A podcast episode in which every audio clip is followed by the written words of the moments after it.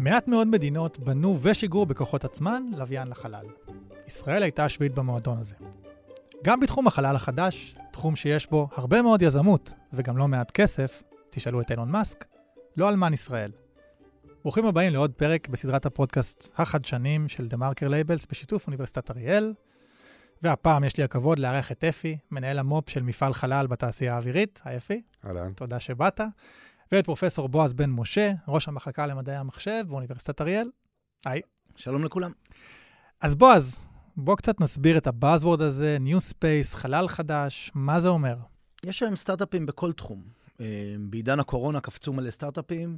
אה, סביב אפליקציות בטלפון יש המון סטארט-אפים, וגם בתחום החלל, שבעבר היה שייך למדינות, לצבאות, לדברים ביטחוניים, או קונגלומרטים ענקיים של תקשורת, יש היום סטארט-אפים שבאים ואומרים, אנחנו נעשה את זה מהר יותר, וחד יותר, ו- ורווחי יותר, מחפשים נישות כאלה. אז סוג של הפרטה של, של, של התחום? זאת אומרת, אם, אם דיברנו על מדינות, על פרויקטים לאומיים, נאס"א, סוכנויות, אתה אומר היום, זה הרבה יותר חברות אזרחיות גם יכולות. חד משמעית, אה, אילן מאסק יודע, הזכרת אותו, יודע להביא קילו למסלול נמוך מעל כדור הארץ, בעלות שהיא זניחה לעומת מה שיעלה לרוסים, ובוודאי לסוכניות כמו נאס"א.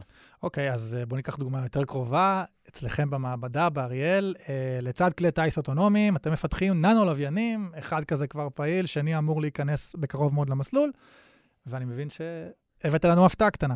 כן, היא באמת קטנה, בערך בגודל של אה, קופסת סיגריות.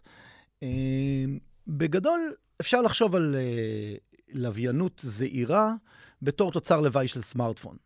זו מערכת שצריכה להיות לו תקשורת, סוללה, מאזן אנרגטי ואיזושהי יכולת עיבוד עם מצלמות או עם AI או משהו כזה. הקושי בלוויין זה התאמה לתנאי סביבה, ואנחנו באוניברסיטה משתמשים בפרויקטים כמו לבנות ננו לוויין, לא מתוך אה, מוטיבציה רווחית או עסקית, אלא כמודל אה, שמזרז סטודנטים ומדרבן אותם אה, לעשות משהו. במקום לעשות פרויקט של משחק מחשב, או פרויקט שבו אתה עושה איזושהי אפליקציה, אתה כותב קוד ללוויין שעובד, או לפחות 80 אחוז עובד בחלל. זה, זה תענוג גדול, וזה פרויקטים מאוד קצרי טווח, צריך להבין, אבל שהם לא פרויקטים למטרות רווח. אז, אז מה, מה, מה באמת היישומים שלהם? אתה אומר... אז, אז בהכללה, מהצד, מהכובע האקדמי, זה קצת כמו אפקט אפולו. אנשים מתלהבים מהחלל, אנשים מתלהבים מרובוטיקה, אנשים מתלהבים מ, מרפואה. כן. אתה יכול להשתמש בזה כ- כמדרבן סטודנטים ללמוד, ללמוד פיזיקה, ללמוד מדעי המחשב, ללמוד אה, אינטגרציה, שזה תחום אה, מאוד מולטי-דיסציפלינרי, כל נושא החלל, וזה דורש אה, מצד אחד ידע נניח בהנדסת מכונות ובחומרים, מצד mm-hmm. שני ידע בפיתוח תוכנה, ומצד שלישי יכולת אינטגרציה ולחבר דברים ביחד. וזה באמת, אה, אני מוצא את זה כ... כמו שיש כזה ספרים ומאמרים רבים על אפקט אפולו, שראו בן אדם אחד על כן. הירח, כן. וזה גרם להמון אנשים להצית את הדמיון, ככה אתה... אבל once אתם מגיעים לחלל, זאת אומרת, יש איזשהו יישום המשכי? חד ש... משמעית. אז, אז ברמה היותר, אה, נגיד, אה, מצחיקה, זה לייצר תקשורת עולמית. אנחנו בעצם משנים מודל תקשורת. המודל הוא מודל שמזכיר קצת AirTag, נניח, של בלוטוס. הלוויין שלנו משדר, ואנשים טובים, מאות אנשים טובים, אחרים בעולם שקולטים אותו, מעבירים את זה לקבוצת טלגרם שלנו, וככה אנחנו קולטים את ההודעות שלו. אין לנו בעצם תחנת קרקע, זה עלויות מאוד גדולות. ברמה יותר אה, אה, טכנולוגית, אקדמית, אז אנחנו מפתחים אה, ערוץ לייזר, שבעצם הלוויין יתקשר בלייזר, אה, זה דומה קצת לסיבים, אה, זה לא ערוץ שדורש אה, רישיון. ומצד שני, אה, מאפשר להעביר אה, כמות הרבה יותר גדולה של דאטה ולהשתמש באנטנות הרבה יותר קטנות. נשמע כיף בסך הכל. כן, אני לא מתלונן, משחקים. אה, אפי, ישראל היא חלק ממועדון אקסקלוסיבי, אמרנו גם בפתיח, אה, והתעשייה האווירית ממלאת מן הסתם תפקיד מאוד מרכזי, אה, ואני מבין שחלק מהיתרונות והאיכויות שלנו קשור דווקא באילוצים, לאו דווקא כלכליים. נכון, גם, אבל בהחלט כן.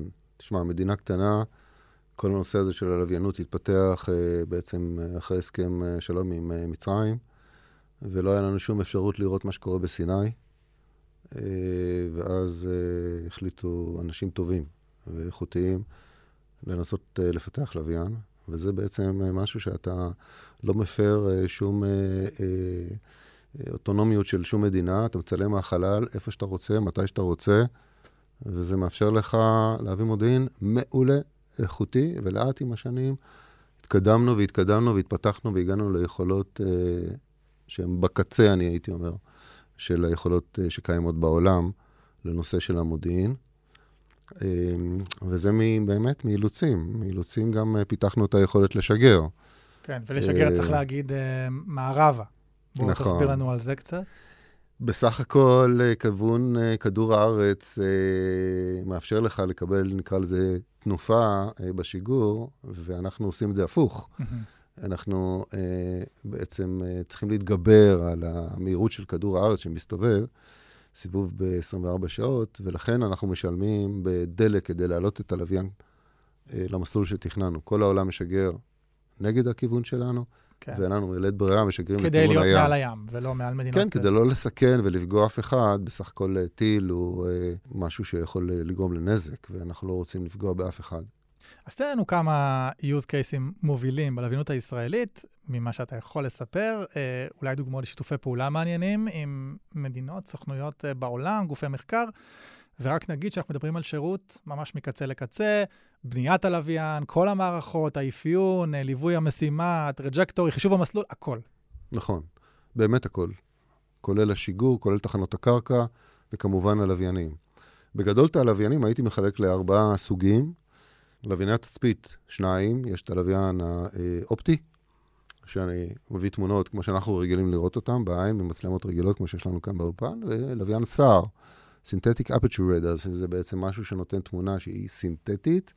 האופטיקה שלה היא בנויה מהמסלול של הלוויין, והיא בנויה לשידור וקליטה של אותות ערף. התמונה קצת קשה להבנה לבן אנוש, אבל היא מביאה מידע מעולה יום ולילה. האופטיקה היא בעייתית, היא לא יכולה לצלם בדרך כלל בלילה, אלא אם כן אתה עובד בתחום אחר. לווייני תקשורת. יש לנו לווייני תקשורת שיושבים במסלולים מאוד מאוד גבוהים, אה, מסלולי גר, 36 אלף קילומטר כמעט. אה, שזה תחום שישראל נחשבת ל... תחום, תחום שישראל, אה, לא בטוח שאני יכול להגיד את המילה מעצמה, אבל אנחנו בהחלט משגרים ומפתחים את כל הלוויינים האלה אצלנו, עבור לקוח זר וגם עבור אה, מדינת ישראל כמובן. וגם תחום מזעור הלוויינים, מה שגם קורה אצל בועז, זאת אומרת, זה גם תחום שישראל... נושא של מזעור אה, הלוויין הוא באמת אילוץ, מכיוון שהמשגר שלנו יחסית קטן, גם ביכולת נסיעה שלו, ולכן אנחנו צריכים היינו להתכנס ללוויינים מאוד מאוד מאוד אה, איכותיים אה, ביחס של ה... אה, האפליקציה שהם מביאים והמשקל והנפח שלהם. צבא קטן וחכם. זאת אומרת, ממש ככה, הלוויינים שלנו מצטיינים מאוד, לווייני הלאו, התצפית, בגמישות שלהם. הם יכולים אה, להביא המון המון מטרות בחליפה אחת מעל האזור, מה שאף לוויין אחר בעולם לא יודע לעשות, כי לוויינים אחרים שוקלים טון, טון וחצי, שלנו שוקלים אה, כמה מאות בודדות, והם מאוד מאוד אה, גמישים. וזה אף לוויין בעולם לא יודע לעשות. הספיקה שלנו היא פנטסטית, מעבר לרזולוציה שלנו שהיא אה, טובה מאוד. רק נגמור את הארבעה, אמרת שני סוגי תצפית תקשורת. התחום הנוסף שהוא מאוד מאוד מעניין, קשור קצת אולי לבועז, זה התחום המדעי. ושם אנחנו גם כן אה, נמצאים, למשל בראשית, היינו שם בשמחה ובששון. אולטרסאט, שזה לוויין מאוד מאוד מעניין, אם תרצה נרחיב עליו בהמשך. אה, אני אשמח, כן. וגם בראשית 2, שהיא אה, חלק אה, נוסף. ולוויין נוסף, זה לוויין ונוס, שעשינו בשיתוף פעולה עם הצרפתים, שזה לוויין מולטי ספקטרלי. כלומר, מקבלי תמונה עם כמה וכמה צבעים. אז בואו נדבר רגע באמת על, על בראשית 2, קודם כל. אה, נזכיר בראשית 1, מגיע לירח, לא ממש נוחת בשלום. ממש. אה, כן. אה, אכזבה, אבל אה, מכישלונות אה, לומדים. מה, איפה עומד בראשית 2? ובמה הוא נבדל ממנו? בראשית 2 היא uh, מעט יותר גדולה, הקונספט אבל הוא שונה. בסך הכל, אנחנו בתעשייה אווירית אמורים לבנות איזשהו סוג של מקפת, שתגיע לירח בצורה דומה ששיגרנו את בראשית 1, אבל היא תקיף את הירח uh, לתקופה ארוכה, שנים. שלוש, שש שנים, כמה שהיא תצליח לחיות שם. עליה יהיו שתי נחתות קטנות. אחת תנחת באזור שאנחנו יכולים לראות מכדור הארץ, השנייה תנחת, אה, תנחת בצד השני שלא נראה מכדור הארץ, מה שנקרא הצד האפל, אבל הוא לא בעצם אפל. אה, והמקפת הזאת היא בעצם תהיה הממסר. כלומר, כל פעם שהיא תעבור מעל אה, אותן נחתות, היא תוכל לקבל מהם את המידע, את התמונות, את כל הטלמטריה והדאטה שאותן נחתות יעבירו. ומה הלוח זמנים? אתה מדברים על מתי? אה, תראה, לוחות זמנים, אני לא רוצה להיכנס לזה, כי זה okay. אוקיי. לא כל כך בידיים של תעשייה אווירית, זה יותר בידיים של uh, Space.il. Mm-hmm. Uh, קשור גם לנושא של תקצוב וכל uh, מיני דברים ושיתופי אז, פעולה. אז אתם בונים את זה עבורם אבל אנחנו, אנחנו מפתחים את המקפת. הם כרגע מחפשים שיתוף פעולה לנושא הזה של הבנייה של הנחתות. הזכרת גם את אולטרסאט, אז, אז נגיד טלסקופ שאמור להסתכל על השמיים בתחום האולטרה סגול, בשדה ראייה רחב מאוד. ואנחנו מדברים על הנושאים האלה של חקר החלל עצמו בפודקאסט נפרד, אגב, מאוד מומלץ, אה, עם התייחסות אה, מאוד רחבה לג'יימס ווב, שאי אפשר להישאר אדישים למה שהם מקבלים ממנו, אבל ננצל את העובדה שאתה כאן ונשמע קצת על, אה, על אולטרסאט, באמת גאווה כחול לבן, מה, מה מתוכנן לקרות שם? אולטרסאט נעשה בשיתוף פעולה עם מכון ויצמן. מכון ויצמן הוא בעצם זה שמוביל את הרעיון הזה יחד עם סלע, סוכנות, סוכנות החלל שלנו, ואנחנו בונים את הלוויין. בלוויין יש כמובן מצלמה, המצלמה נעשית על ידי אלופ. אה, הייחוד בלוויין הזה, שא' הוא יושב אה, בגאו, איפה של לווייני התקשורת, אבל הוא לא מסתכל לכדור הארץ, הוא מסתכל לתוך שביל החלב. והוא מחפש סופרנובות. אה, ויחסית השדה שלו מאוד רחב, אין כזה שדה דומה. האבל למשל מסתכל בשדה מאוד מאוד צר, קשית, בנושא, בתחום של ה-UV, ואולטרסאט אמור להסתכל בסדרי גודל של 14-15 מעלות אה, בריבוע כזה, שזה יחסית מאוד מאוד גדול, והוא אמור לחפש סופרנובות, ואז בעצם מה שיקרה, אה, זה סוג של סנסור שאמור לשדר לכדור הארץ, מתי להסתכל עם הטלסקופים הרגילים מכדור הארץ לאזור שבו אולטרסאט זיהה את האירוע. כלומר, ה-UV מגיע יחסית מוקדם יותר ממה אה, שנראה בתחום הנראה, ה-visible, ואז אפשר יהיה לתת התראה לכדור הארץ, לכל הטלסקופים שזמינים, כן. להסתכל לסופרנובה ולראות אותה. גם מגיע מהר יותר מהאינפרד, מגיע, כאילו, זה בעצם... נכון, מגיע מהר, אה, אחרי הגמא, שהיא הראשונה כן. שנפלטת מהסופרנובה, ואז בעצם אפשר יהיה לראות סופרנובה, בוא נגיד, אה, פעם, אה, נדמה לי שראו את זה רק פעמיים עד עכשיו. כמעט במקרה. במקרה, נכון, אתה צודק, וכך יהיה לנו כלי לראות יותר סופרנובות. ולזהות כל מיני תופעות uh, של uh, חלקיקים שמגיעים לכדור הארץ, uh, שקורות רק בסופרנובות. Mm-hmm. Uh, בועז, הזכרת את זה קצת קודם, אבל באמת, אם יש תחום ככה מולטי-דיסציפלינרי שבאמת מצית את הדמיון של כולנו ומסעיר אותנו מאוד, זה תחום החלל, ואתה אומר שאתם בעצם משתמשים בו כדי לעודד סטודנטים ללמוד uh, מקצועות נדרשים נוספים. עד כמה אנחנו כמדינה השכלנו לעשות את זה, ואם לא, אז, אז, אז מה כן אפשר לעשות? מדינה זה גוף גדול שאני יודע עליו אה, מעט יחסית. אה, אני כן חושב שיש מודלים שמאוד מלהיבים ילדים ובני נוער וסטודנטים ובכלל אנשים. הרעיון שאתה יכול להיות maker. בעבר, מי שהיה לו נגישות למעבדה או לאיזה טלסקופ, הוא מתי מעט, ואחרים לא יכלו. היום יש אה, סוג של דמוקרטיה במובן הזה שהאינטרנט זמין לכולם, ואני לא מכיר תיכוניסט שביקש נגישות לאיזשהו טלסקופ אה, שפרוס בעולם, ואמרו לו, לא, אתה לא יכול. במובן הזה, אה, אפשר לייצר היום תחרויות נורא נחמדות, אני אתן כמה דוגמאות לתחרויות שנעשות בעולם. תחשבו על איזשהו לוויין, ורוצים לצלם תמונה נורא יפה. עכשיו, אז אתה יכול לצלם הרבה, כמו שילדים עושים היום באינסטגרם, או השד יודע מה. ולהסתכל על זה ולהגיד אם זה יפה או לא. הבעיה שיש לנו אה, רוחב סרט מאוד מאוד צר, בוודאי בלוויינים קטנים. אתה רוצה לעשות בינה מלאכותית, שתסתכל על תמונה ותגיד, אה, זאת לא טובה, זאת כן טובה. יותר מזה, שתפתח וידאו כל הזמן, ורק כשקורה משהו מעניין, תחשבו על זוהר צפוני, או איזושהי תופעה אה, אה, מעניינת בה, באיך שדברים נראה, אה, אה, התפרצות של הר געש, או איזשהו שינוי אקלים מעניין, רק במקרה הזה התמונה תצולם, לא יודע, תידחס באיכות גבוהה ותועבר לכדור הארץ. אז הרעיון של לעשות Edge AI, נניח בינה מלאכותית, על uh, uh, לוויין, אתה יכול בעצם לעשות תחרויות כאלה, כי החומרה שיש על הלוויין, שלנו לפחות, היא חומרה שמאוד מאוד דומה לבקרים מתוכנתים או לסמארטפונים שיש לכולנו בכיס, ובעצם חלק מהפיתוח שאנחנו עושים זה קהילת open source, שמאפשרת לעשות תחרויות על uh, קומפוננטות, בעיקר בבינה מלאכותית, AI, בקצה, על, ה, על המכונה עצמה ולא בענן, אה, שפתוחה לכולם. בינה מלאכותית זה, זה, זה, זה, זה דברים שכבר יותר רלוונטיים לאוכלוסייה מן הסתם יותר בוגרת, יותר מתוחכמת. אני מדבר על משהו שאפילו ברמת, ברמת ילדים, ברמת נוער, ברמת uh, בתי ספר, uh, לגייס את... בטיקטוק יש יותר בינה מלאכותית ממה שאנשים חושבים. השאלה עד כמה משתמשים מודעים לזה. זו שאלה טובה, אבל, אבל זה קיים שם, ויש שם כן. המון מידע. אני מכיר uh, קבוצות נוער שעשו דברים מדהימים בעולם הביטחון, ודברים מדהימים, אתן דוגמה מהעולם הרפואי, נושא של זיהוי uh, סרטן עור, יש כמה קבוצות של בני נוער שהסתכלו על הרבה מאוד שומות, שאלו רופאים, אימא של אחד הסטודנטים, uh, uh, אחד התלמידים, זה תלמידי תיכון, נתנה להם ואמרה להם, טוב, לא טוב וכן הלאה, הם תהיגו את זה, uh, השתמשו בכמה מנועים מאוד סטנדרטיים, כמעט ללא ידע לתוכנה, וזה התגלה כטוב יותר מאשר חלק מהרופאי עור. ממש Deep Learning. אה, כן, יש אצל בני הנוער יכולת וחריצות לעשות דברים. אני אגיד משהו קיצוני. נער או ילד שלומד פורטנייט, אה, כנראה משתמש ביותר יכולות אה, של התמצאות, של קואורדינציה, של הבנה, אגב, של אנגלית, מחלק גדול מהמשימות האחרות שהוא חווה בתיכון. אוקיי. Okay. Uh, בהקשר הזה, אפי, התעשייה האווירית uh, משתתפת הרבה, גם בהדרכות לבני נוער ולבתי ספר, ועכשיו גם דרך אקסלרטורים בעבודה עם סטארט-אפים, ובעצם עידוד אה, האקוסיסטם כולו.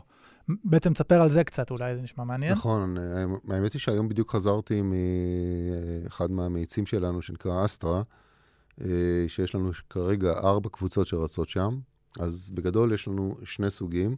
אחד זה משהו כללי של תעשייה אווירית, אה, של מאיצים בכל התחומים, לא רק בתחומים של החלל, אבל גם כמובן אנחנו... נכנסים, והיינו שם כבר כמה שנים, אנחנו מופיעים שם בכמה וכמה קבוצות, וזה בעצם שלושה חודשים אינטנסיביים שאנשים שלנו יוצאים החוצה, עוזבים את העבודה הרגילה שלהם, עובדים רק על אותו אה, נושא, מנסים לעשות איזשהו POC, הוכחה של אה, רעיון, הם יכולים גם להתחבר לאיזשהו גוף חיצוני שיעזור להם ולעשות את זה בשיתוף פעולה, כולל תקצוב של הדברים האלה, ואחר כך הם חוזרים חזרה הביתה, ואז ממשיכים את זה. כלומר, אנחנו לא מוציאים משהו החוצה מבחינתנו שהוא לא ייתן לנו איזשהו benefit אחר כך בעולם שלנו. ויש לנו דוגמאות מעולות לזה. אחת הדוגמאות הכי יפות שלנו זה סאדגארד, שזה איזושהי מערכת אה, בינה מלאכותית אה, שעושה אה, גם גילוי תקלות בכל מיני ממדים, אם זה בשילובים, אם זה ב... בשילובי הלוויין, שכמות המידע היא עצומה או חיזוי של תקלות עתידיות. זאת אומרת, לוויין שיש לו איזושהי מגמה, תחשוב על עולם הרפואה, זה תמיד העולם שעולה לי בראש, כן? יש איזושהי אה, דגרדציה בביצועי אה, תפקודי כבד שלך. אבל אתה בנורמה כל הזמן, ואתה לא רואה את זה. כלומר, הרופא בא, מסתכל על הדבר הזה, הכל נראה בסדר, כי אתה בנורמה. אבל לאורך השנים יש איזשהו שינוי. השינוי הזה יכול להעיד על איזושהי מגמה שצריך להסתכל עליה ולהבין איך למנוע אותה או לתקן כן. אותה. אותו דבר גם בלוויינים. יש את ה... אה, דגרדציה בביצועים של המצבר לצורך העניין, של הפאנלים הסולאריים, כל דבר אפשר להבין, ואז אפשר לחזות תקלות. לפעמים חיזוי של תקלה ברמה של כמה שניות יכול למנוע אסון מלוויין אה, להפסיק לפעול. עכשיו, אה, החלק האוטופי זה שהלוויין יעשה את זה בעצמו, אוקיי? ולא מתחנת הקרקע. כרגע אנחנו הכל עושים מתחנת הקרקע, מנתחים את הכל מתחנת הקרקע. אבל העולם הזה של AI, שבועז דיבר אצלו, אצלנו מאוד משמעותי, כי כמות הדאטה היא אינסופית, ולנו יש דאטה הרבה שנים אחורה, וגם יהיו לנו הרבה שנים קדימה, ואנחנו יכולים לתכ... לתכנן ולהצביע, פה היה אירוע, פה היה אירוע, כאן זה היה סתם, ואנחנו עושים את זה, ואנחנו ממש מממשים את הדברים האלה בתחנת הקרקע. האידיאל, לעלות איזה יום אחד ללוויין, לזהות. עננים, קיבלתי פקודה לצלם, אני הולך לצלם. אה, יש פה יותר מדי עננים, האזור הזה שביקשו ממני, חבל, אני אלך לנקודה אחרת. אני אצלם שם. עכשיו, אני יכול לעשות את זה באלגוריתמים, אני יכול לעשות את זה גם ב-AI. אוקיי? אז זה סטארט-אפ אחד שהוא כללי, ויש סטארט-אפ, סליחה, אקסלרטור אחד שהוא כללי, ששם אנחנו מוציאים את האנשים שלנו, ויש סטארט-אפ חדש שחזרתי ממנו, כמו שאמר, אקסלרטור, סליחה, אה, אה, שנקרא אסטרה, ששם אנחנו מביאים אנשים מכל העולם. והם מביאים רעיונות למנוסי חלל, הם מקבלים את התשתית של תעשייה אווירית מבחינת המקום, ויועצים, תמיכה שלנו, תמיכה גם של אה, סטארבאסט, שהיא שותפה. והיום חזרתי עם אה, קבוצה שהגיעה מיפן, הגיעה מפורטוגל והגיעה מפולין, ואחד מישראל. אז זה, זה, זה מרשים שבן אדם בא מיפן, המיוחדת הזאת, שבאמת תעשיית החלל שם מאוד מאוד מפותחת, בא לפה עם איזשהו רעיון לנושא של uh, בקרה ותיעוד של ניסויים בחלל. ואחד בא מפורטוגל עם יכולת להגן על דיברי, על כל מיני mm-hmm. שברי, שברי לוויינים שיכולים לפגוע, והוא יודע להגן במהויות פנטסטיות של 700 מטר לשנייה. מדהים. אני רוצה רגע לחזור אליך, בועז. צופים בנו עכשיו בוגרי תארים, סטודנטים, סטודנטים לעתיד אולי, שככה מתלבטים לאן לפנות. מה הם צריכים לקחת בחשבון בעולם הזה? מה מאפיין אותו? למי אולי הוא פחות מתאים? העולם שאנחנו חיים בו משתנה בקצב מאוד גבוה. לפני 15 שנה, אם היית שואל אותי אם טיל יכול לנחות ברוורס, הפיזיקה נשארה אותה פיזיקה. הייתי אומר, אין שום סיכוי. וגם אם כן, זה ידרוש כאלה משאבים, זה בטח לא יהיה אה, יעיל באיזשהו מקום כלכלי. לוויינות נניח, תמיד חושבים על לוויינות בעולם הצבאי, אבל האם לוויינות יכולה לעזור נניח למדידה יותר מדויקת של אה, חקלאות מדייקת, אה, תקשורת גלובלית. היום מישהו תקוע במקום ללא תקשורת. יכול להיות שעוד עשר שנים זה יראה לנו משוגע שהוא לא יכול להזעיק עזרה, או לפתוח את הממטרות שלו, את הטפטפות שלו באיזשהו מקום mm-hmm. נידח. אני חושב שהחלל מתאים לאנשים שמוכנים אה, לעבוד קשה ולא חייבים להצליח. כי צריך לדעת, רוב הפרויקטים, הפרויקט הראשון שאנחנו בנינו נכשל. וזה שהפרויקט השני הצליח, הרבה מזל היה בזה. אוקיי. Okay. זה תחום... אפרופו שהוא, בראשית. הוא, בוודאי, בראשית אגב היא הצלחה פנטסטית. מי שלא רואה בבראשית, זה כאילו, יש לנו, תחשבו על, אה, יש לישראל אה, אצן, והוא מגיע מקום שלישי ב, ב, באולימפיאדה ב-100 מטר, וכולם אומרים, אוי, איזה כישלון, חבל שהוא רץ. בראשית היא הצלחה בכל קנה מידה, בקנה מידה כלכלי, בקנה מידה של שיתופי הפעולה, וזה שבסוף לא היה את, ה, את הפוטו הפנטסטי, צריך להיות יותר בוגרים מזה. אה, אנשים שאוהבים אה, ללמוד. תחום החלל הוא תחום שמשתנה מאוד, והלימוד בו והעבודה בצוות היא דבר נורא, נורא נורא אה, מהותי. אין דבר כזה שאתה אומר, אה, אני עכשיו קיבלתי את ההסמכה שלי ואני יודע הכל. אה, מי שחובב חידות, ודרך טובה בעיניי ללמוד את זה, זה להסתכל על ערוצי יוטיוב, נניח, של SpaceX, של נאסא, נאסא נניח משדרת אה, שידורים שהם live, נניח ממאדים. תחשבו על זה, וידאו מגיע מאיזשהו אה, הליקופטר במאדים, אז הוידאו יורד לגששית, ומהגששית למקפת, מהמקפת בשידור מטורף עובר לאיזושהי אנטנה בקוטר 77 מטר באוסטרליה, או השד יודע איפה, ואנחנו רואים את זה ומסתכלים, אה, זה לא full HD, זה לא מוצא חן בעיניי. אני, אני צוחק כמובן, אבל זה דבר מדהים, ושמסתכלים על זה, אותו הליקופטר, חלקו הגדול בנוי מ open source, ואנשים שמצאו בו תקלה, גם הצליחו לתת לו firmware ולעדכן אותו. אז אנשים שאוהבים לאלתר, אוהבים לפרק את המדפסת ולהבין איך היא עובדת, ולא חייבים להצליח ב... זה, אה, אה, בסוף חלל זה, וגם רפואה, אה, זה תחומים שהם לא תמיד אה, מגיבים מיד. זה לא אה, כמו לפתח איזושהי אפליקציה שמיד אתה רואה את הדברים, דברים לוקחים זמן. עוד דבר, אה, אפרופו זה, מפתחים אצלכם לא רק לוויינים, אה, אולי כמה מילים על כלים נוספים שהעמדתם על הרגליים או על הכנפיים, האתגרים הטכנולוגיים שפיצחתם. אני למשל שמעתי הסבר מאוד מעניין שלך על חיקוי יכולות ותכונות של חרקים לטובת רחפנים. אז כל פעם יש אה, שאלה, אני, האם נניח מכונה מסוימת היא חכמה יותר מבן אדם? אז אני אציין קולגה שלי שהוא פרופסור ל, לרובוטיקה, פרופסור ניר שוולב, שהוא אומר, תשמע, אולי, אבל אני עוד לא ראיתי שום מכונה שמתקרבת למדוזה. עכשיו, מדוזה אין לה עיניים, מדוזה רגילה. אין לה, אה, אה, לא יודע, אין לה שיניים. אה, אתה, אתה מעליב אנשים שחוקרים מדוזות, בסדר? יש אנשים שזה... זה... ויותר מזה, יש טוענים שנניח אנחנו עוד לא יודעים לעשות AI של אמבה מבחינת מערכת חיסונית וכאלה. לפעמים אנחנו מסתכלים נניח על רחפנים, כולם נורא גאים ברחפנים, או במל"טים, או במזל"טים, ואז אני אומר, וואלה, באמת יפה, אבל הם מחזיקים, ל... לא יודע, הרחפנים שלנו אה, מסחריים לחצי שעה, שעה, אה, מל"טים, מזל"טים ליום-יומיים. אה, סיס חומות, ציפור קטנה ונחמדה, חיה שמונה חודשים באוויר. היא ישנה באוויר, היא אוכלת באוויר, היא שותה, זו הציפור המדהימה הזאת שמצליחה עם המקור להכניס כמה. שלא לדבר על עופות נודדים, על אלבטרוס שעושה את אותו מסלול כן, כן, אבל תחשוב על זה שהסיס גם עושה דברים מדהימים והוא בורח מטורפים, אבל הוא חי באוויר. זאת אומרת, הנצילות האנרגטית שלו היא בסדרי גודל. אני דווקא מסתכל קטן, אני מסתכל על פרפר, אומרים לי, הרחפן שלך הוא לא רציני, הוא לא עמיד ברוחות. אז אתה מסתכל על פרפרים, הם, הם בעצם, הם, הם, הם נישאים ברוח. ואגב, פרפר אפשר למנות ממש בשיקולים של ספירה ומשקל. כמה יחידות לוגיות יש לו במוח, זה מעט מאוד, וכמעט הכל מושקע ב- בלראות ובלהבין רוח. ובסמארטפון שלנו יש הרבה יותר, ואנחנו לא יודעים, ופרפרים מנווטים, ופרפרים יודעים לנחות. אז אפילו אירוע כזה, אני בכוונה מסתכל על דברים קטנים, של צופית, שמצליחה לעמוד מול הפרח, לעשות את הבקרה על הרוח. ולשאוב צוף מאחד לשני, זה דברים שאנחנו לא מתקרבים לזה. בעיניי זה מדהים להסתכל על הטבע ולנסות לחקות חלק מהדברים האלה. חלק מהדברים אנחנו יודעים מצוין, נניח אה, נושא של vision, יש היום פריצות מדהימות ביכולת של אה, לזהות. אה, הרבה מערכות עובדות טוב יותר מאיתנו, אבל בהקשרים של מערכת חיסונית, שכמו שאפי הציג, ב-self-observing, ביכולת לתקן את עצמי או לפענח את עצמי, אנחנו עוד רחוקים. הזכרת לי את ההתלהבות שהייתה לי כשראיתי live צפרדע מתבייתת על זבוב. אמרתי, מתי אני אדע לעשות את זה? זה מטורף. אה, נקודה, אני מניח, כאובה קצת אה, לשניכם, אולי, אולי לכולנו, אולי עקב אכילס של, של המחקר והאקדמיה בכלל בישראל, אה, זה תחום התקצוב.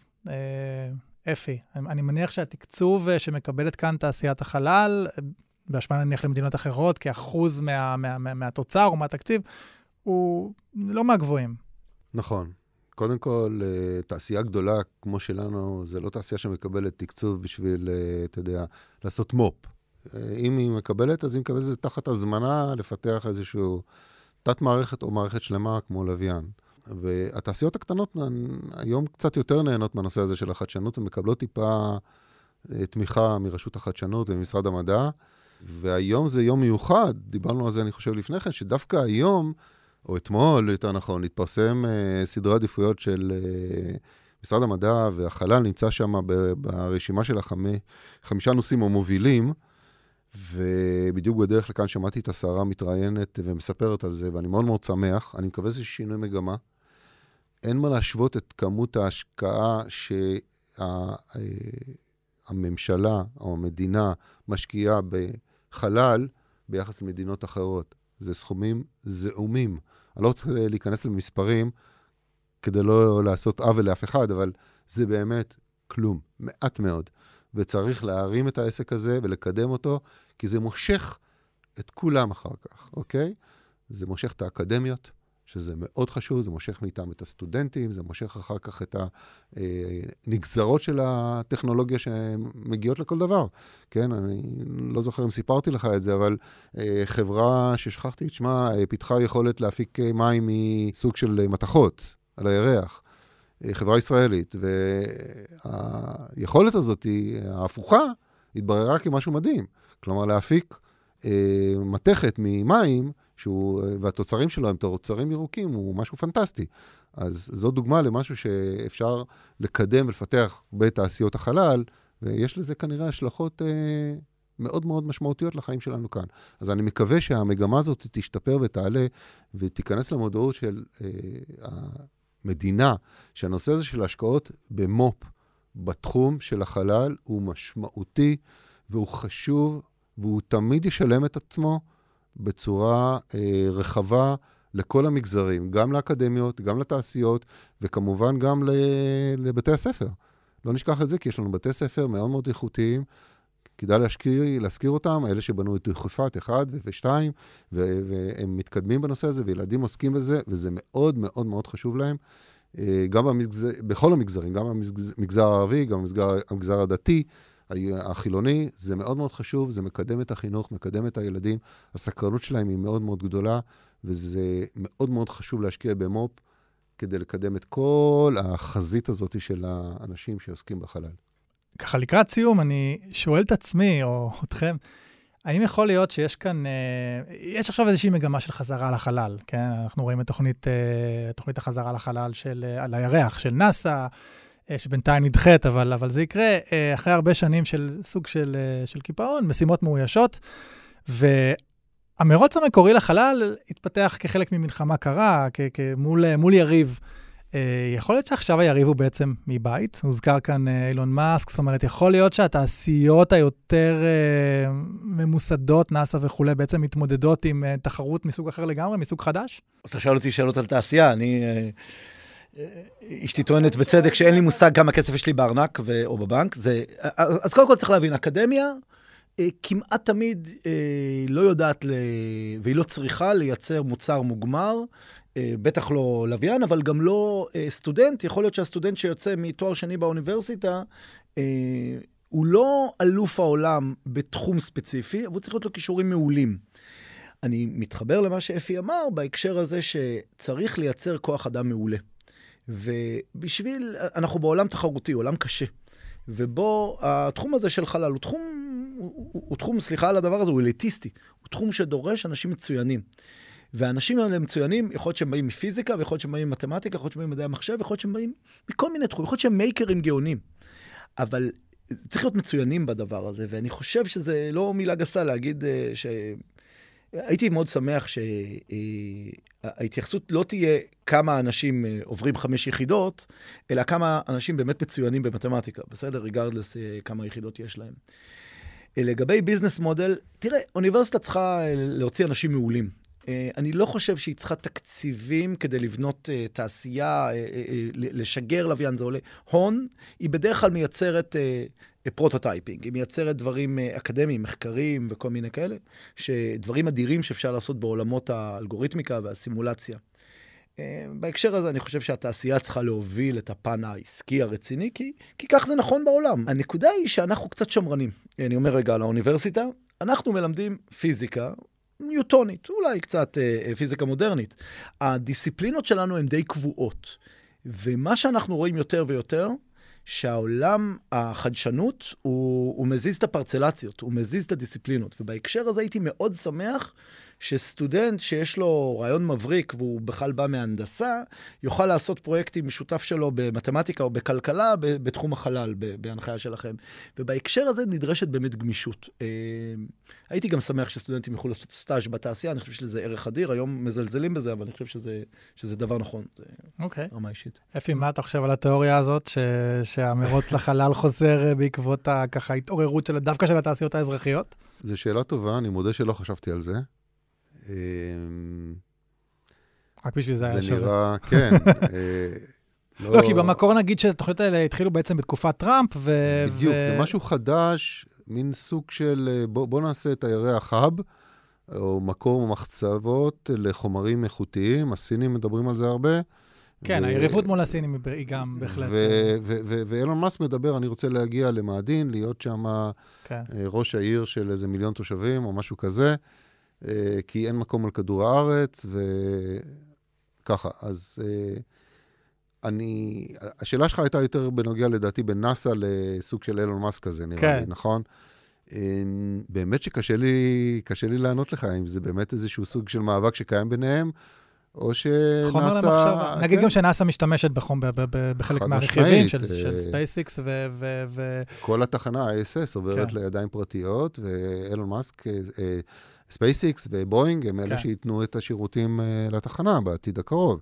תוך כמה שנים זה יהיה בידיים פרטיות לחלוטין. Mm-hmm. ושם יש תחרות גדולה מאוד, הנושא של, של התיירות. יש כנראה אנשים עם uh, יותר מדי כסף בכדור הארץ.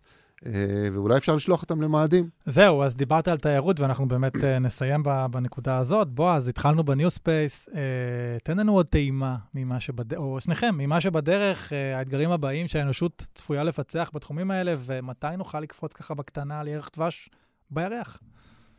לא, לא, רוב האנשים לא אוהבים את הירח כל כך, הוא okay. אוקיי. סביבה מאוד קשה, יש שם אבק קטלני.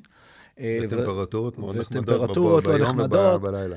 אני כן חושב שכדאי להסתכל על הדברים גם דרך מבט אקולוגי. הרעיון הזה של להגן מפני... אה, אה, להסתכל שיהיה לנו data על ההתחממות הגלובלית, שיהיה לנו data על חקלאות מדייקת, שיהיה לנו data על אה, אסטרואידים שיכולים לפגוע בנו. אמ, הוא בסדר, גם אם לא נשים אדם אה, על השמש, יש לזה ערך לדברים האלה. לא תמיד צריך להביא אדם. אני מבין שזה מושך, שזה נורא מגניב לראות חללית מלאה בקופסאות שימורים ו- וכזה. אה, למרות שהרייטינג שזה מאוד ירד, בגלל זה פרויקט אפולו נעצר. אבל הוא חוזר עכשיו. עכשיו הוא כאילו, חוזר, כן, זה מה שאני שואל את השאלה למה, בדיוק. אה, זה מעניין. אגב, יש גם דברים מעניינים בתחום ה... יש המון פרויקטים ברפואה, גם במחקר בסיסי סביב תחנת החלל, אפילו דברים כמו אה, לעשות אה, אה, כל מיני אפליקציות של החל מסיבים אופטיים באיכות מאוד גבוהה, כי אין אה, כבידה או יש מיקרו כבידה, כנ"ל לגבי כל מיני אלמוגים שבונים עצמות, ויש עוד מחקרים רבים שאני לא, לא, את רובם אני בכלל לא יודע. יש גם הרבה מחקרים בסיסיים בנושא של אה, היווצרות החיים וכל מיני כאלה, ודווקא באבק החיצוני של תחנת החלל יש כל מיני מחשבות שדברים יכולים להיווצר שונה ממה שאנחנו חושבים. לענייננו, יש ערך לחלל, גם אם אין גם שם, אם לא שם, גם אם לא נהיה שם כרגע בעשר דקות אז, אז רק נזכיר עוד פעם שיש לנו פודקאסט שלם ומומלץ בסדרה על האפשרות באמת שהאדם יהגר למקומות אחרים, והאם יש חיים במקומות אחרים. אה, אפי, סיום שלך, ממש במילים ספורות ככה, כיוונים אה, עתידיים בתחום? קודם כל, אה, אני הייתי משנה את המושג מ-New Space ל-Next Space. אני חושב שהיה איזה שוק של Buzzword של נקרא New Space, שהוא הרבה באמת, כמו שדיבר על זה בועז. עולם ישן עד היסוד נחריב, מתחילים מחדש. כן, מתחילים מחדש. היום כל אחד יודע לעשות לוויינים, זה נכון, זה טוב מאוד, אבל ה-Next Space הוא דבר יותר משמעותי, יותר ממוקד למשהו ש... אפשר להפיק ממנו אה, יותר אה, עבור אנשים שחיים על כדור הארץ.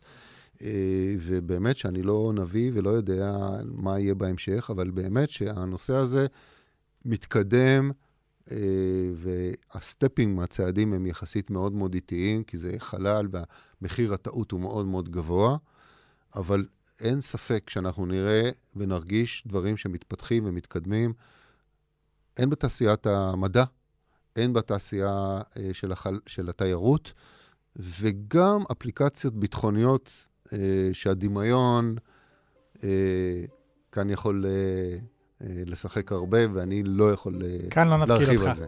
מרתק, ו- ונשמע שהספייס הוא לחלוטין לא הפיינל פרנטיר. זאת אומרת, יש לנו עוד הרבה, הרבה מה לעשות שם. פרופסור בן משה ואפי מהתעשייה האווירית, אני רוצה מאוד להודות לשניכם ולהזמין את הצופים והמאזינים ואתכם לעוד פרקים בסדרה. אה, חפשו אותנו בכל אפליקציות הפודקאסטים החדשנים.